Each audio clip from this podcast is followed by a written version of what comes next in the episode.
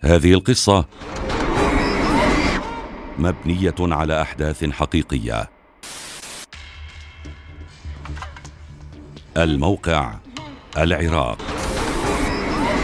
العصابة الأب والأم وتاجرة بشر. الضحايا الفتاة. العملية بيع الإبنة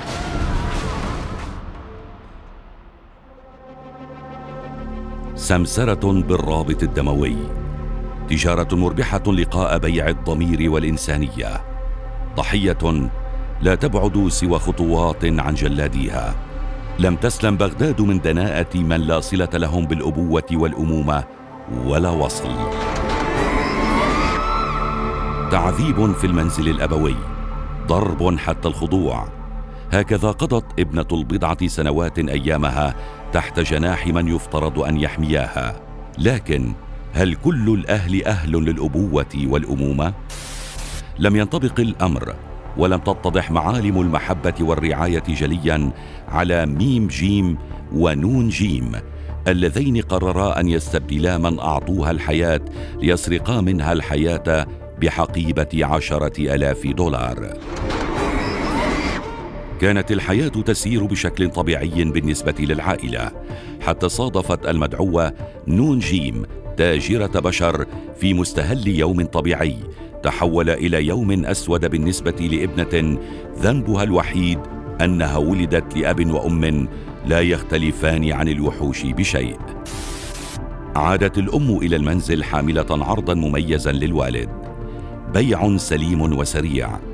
شرحت الزوجة مفصلا للزوج عن لقائها بالتاجرة وعن العرض الذي طرحته هذه التاجرة عليها وعن أمان العملية وسهولتها. فكل ما على الوالدين فعله هو تسليم ابنتهما إلى التاجرة في المكان المتفق عليه وفي الساعة المحددة ليستلما المبلغ المراد فيعودا إلى منزلهما وينسيا كل ما قاما به. كانت الخطوة التي تنهي التنسيق بشكل تام هي أن يقوما بتلفيق سبب موت للفتاة كي لا يثيرا شبهات حول غيابها من المحيط وعن أعين الجيران والعائلة. وافق الزوج ووجد الرواية الحاضرة للنشر فور إتمام صفقة البيع. كلب الجيران المفترس الذي لا يقل وحشية عن الأهل كان الحجة الأنسب فتسمم فوفاة وهكذا هندسة السيناريو جهزت للمضي في الخطة. تحولت معاملة الوالدين للابنة خلال الفترة الفاصلة بين الانتظار والتسليم. فلم تنج من ضرب الوالد عظام الصغيرة التي تارة تضرب بالعصي وطورا تجر من شعرها. آثار الضرب والأذية باتت واضحة على يدي الفتاة والضربة القاضية التي سيوجهها الوالدان ستنطبع في نفس التي ستتمنى أنها لم تولد منهما يوما. قبيل التسليم بأيام علمت مصادر أمنية لدى مفارز مديرية مكافحة الإجرام في بغداد عن وجود تاجرة بشر تجول في الأرجاء منتظرة إتمام بضعة عمليات بيع. التحري وجمع المعلومات في أوجها الصورة توضحت والضحية الأولى باتت محددة.